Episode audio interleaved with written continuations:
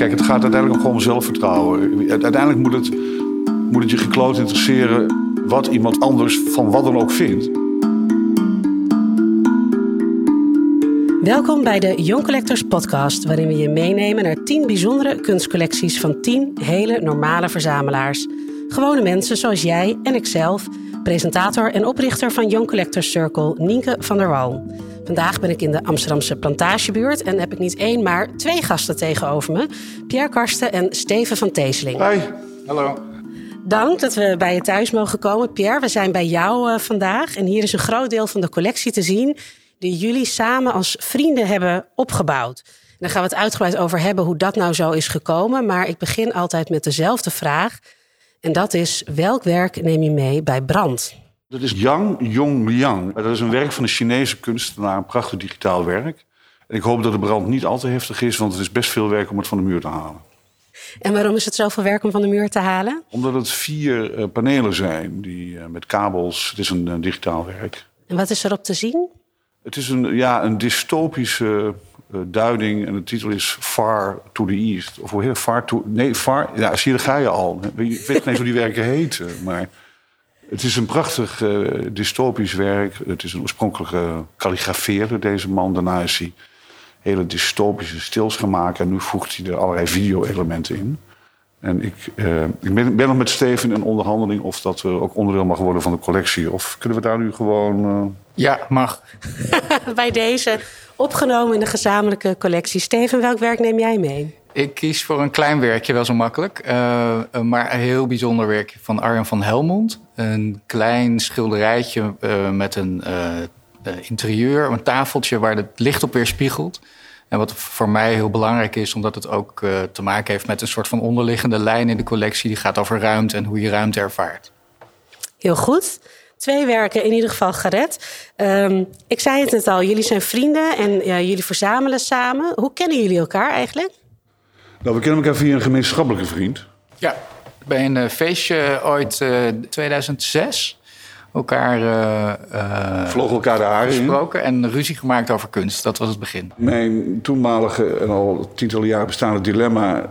dat was om in de veelheid van, van de conceptueel abstracte kunst... enige, enige spoor te vinden waarvan, waar, waar, waar, waar ik mij behagelijk in kon vinden. Ja, dat was ook de, de, de afstand, denk ik, die Pierre ervaarde tot de, tot de kunstwereld. We hadden er toen ook over dat je, uh, als je bij een galerie kwam, in der tijd zeker, uh, dan werd je eerder weggekeken dan ontvangen. Hè? En, en um, wat ook niet helpt om dan mensen met kunst te verbinden op een bepaalde manier. Uh, dus toen hebben we eigenlijk besloten van ja, laten we dan samen eens een keer gewoon naar die kunst gaan kijken. Even alle vooroordelen uh, uh, aan de kant. En ik weet er wat meer van. Misschien kan ik jou ook meenemen. Misschien kunnen we op een andere manier die kunstwereld openen. maar ook de blik van Pierre, die voedde mij dan weer. Want ik zat natuurlijk wel heel erg in die kunstwereld. En Pierre keek daar op een vrij open en ook, nou ja, laten we zeggen, licht kritische manier altijd naar, dat, naar het hele, hele machine die, die de kunstwereld is. Dat was voor mij ook leuk. Ja, er zat, er voor mij altijd een enorme uh, ja, willekeur in. De, de, vandaag ben je telefoniste en, en, morgen ben je kunstenaar. Dat, dat kan allemaal. En, en de gedrevenheid waarmee mensen werk, werken willen maken, dat, dat kan uit iedere hoek komen. Maar er heerst, heerste altijd een soort uh, esoterische vanzelfsprekendheid. Op, als je zei dat je kunstenaar was, dan had je ook meteen je identiteit geduid. En dan dan had je een reden om te bestaan. En, dan, en er zat geen enkele ver, ver, ver, verantwoording in naar de omgeving om je heen. Je had in die tijd ook nog allerlei, nu nog steeds allerlei regelingen. En dat moet ook allemaal wel. Maar de mate waarin mensen zich, op, zich gemak, gemakshalve, zo leek het soms wel, kunstenaar noemen, dat, dat irriteerde mij. Want ik moest altijd gewoon heel hard werken. En dan zullen heel veel kunstenaars ook heel hard werken. Maar er zat bedoel, de, de, legitimiteit die je jezelf kunt toedichten door te zeggen: ja, ik maak kunst. Dat, dat, daar, daar, daar, daar liep ik altijd een beetje in vast. Want ik, ik, ik vond dat dan vaak heel betrekkelijke kunst. En, en, en ook niet, vrijwel niet geïnspireerd. Maar goed, dat is allemaal heel persoonlijk. Maar dan ben ik wel benieuwd. Ben je daar nu anders over gaan denken, 14 jaar later? Nou, waarschijnlijk in zekere zin misschien helemaal niet zo ontzettend. Behalve dat dat ik, ik heb er wel veel meer respect voor gekregen. Maar ik vind dat een, een enorme overdosis. Uh, als je tenminste betrekt op het kopen en de markt. Als je dingen voor jezelf maakt, I'm fine. Ga, ga lekker priegelen, ga lekker maken, ga lekker ontwerpen, ga lekker geweldige dingen maken in die, in die volgorde. Dat mag allemaal. Maar ik vind dat er nog steeds een enorme uh, ja, vanzelfsprekend is bij, bij kunstenaars dat omdat je wat maakt, dat het dus ook gerespecteerd, geaccepteerd en gekocht moet worden. En daar is gewoon een enorme mismatch tussen wat er op de, zeg maar, wordt, in die zin wordt geproduceerd, wordt gemaakt en, en waar behoefte aan bestaat. En ik vind dat toch, dat moet toch een beetje met elkaar in balans zijn. voor mij was het, was het belangrijk om die discussie ook te voeren. Echt, hè? Dus het, leidde echt tot, tot echt debatten, tot uh, oplopende gesprekken. Uh, ik ben toch uh, de voorvechter van de kunst, dus ik wil het ook verdedigen. Ik wil ook uitleggen waar het dan over ging en wat er, wat er belangrijk aan is. Maar het was voor mij ook goed om te kunnen uh, duiden wat dan zo belangrijk is. En Pierre is, nou ja, talig ook sterk. Hè? Dus, je, dus we hebben veel gesprekken eigenlijk over de jaren heen, precies over dit onderwerp. Um, en het ging denk ik ook wel over, over toegang.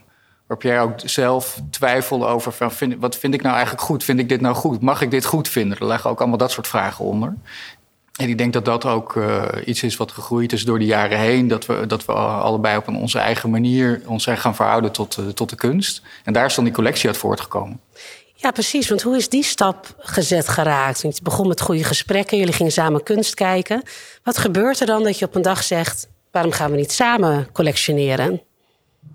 Nou, omdat ik, ik, ik wilde die, uh, die, die wereld ook leren kennen. Ik, ik, ik snap dat die wereld er is en ik had er heel veel mee te maken. Ik, ik kwam wel heel veel plaatsen waar, waar je, waar je, waar je met, met, met allerlei vormen van kunst geconfronteerd werd. Ik wilde, daar, ik, wilde me daar onbevangen in, in, in gaan begeven. Om, om voor mezelf te ontdekken waar, waar het dan in essentie bij normale conceptuele kunst, moderne kunst na 2000, om zou moeten gaan dat was mijn, die, die, dat vond ik, een interessante vraag voor mezelf. En daar dan was Steven daarbij uh, absoluut een, uh, een goede, goede, goede guideline. Ja, een gids. Ja. Uh, zo heb ik hem in het begin wel geduid. Ik bedoel, dat ik vervolgens verdwaald raakte met deze gids, dat, dat komt straks misschien nog wel. Maar... Dat is misschien ook wel de lol daarvan. De dwalen was de bedoeling natuurlijk. Ja, maar, maar, ja. maar, het was heel goed om meteen ja, te beginnen. Zo jij je altijd. Zeker. Nee, maar het was goed om meteen te beginnen. Dus niet alleen het, het te houden bij een gesprek met een glas wijn uh, en, en, uh, en daarover te discussiëren, maar ook echt naar de galeries te gaan, naar de musea te gaan, naar beurzen te gaan. Um, en ook zelf uh, dan te gaan kiezen, te gaan praten over dingen die je goed vindt en je daar ook aan te verbinden. Nou ja, en, wat je in die tijd merkte, in die begintijd, is dat het, dat het buitengewoon vermoeiend was. Weet je, beurs, uh, tentoonstellingen. Uh, omdat er, zeker als je een beurs komt, daar hangt zo godschuwelijk veel. Dat je, dat je 200 stands, whatever, dat je, ik bedoel, je en waar het dan uiteindelijk om gaat, is dat je, als je bijna een halve dag of dag op zo'n beurs hebt rondgelopen, dat je misschien maar een paar dingen hebt gezien die, die, die je troffen. Die, die, die, die, die, na een beurs vroegen we altijd elkaar: wat is nou bijgebleven? En dan waar. Dus wil zeggen, er is heel veel wat je dan blijkbaar totaal niet boeit. En er is een, er zijn een paar werken, uh, die, die Meerten Kluk, die, die, we, die we toen uh, gekocht hebben. Die, die, ik kwam binnen toen op die, in, die, in die tent, op het Museumplein.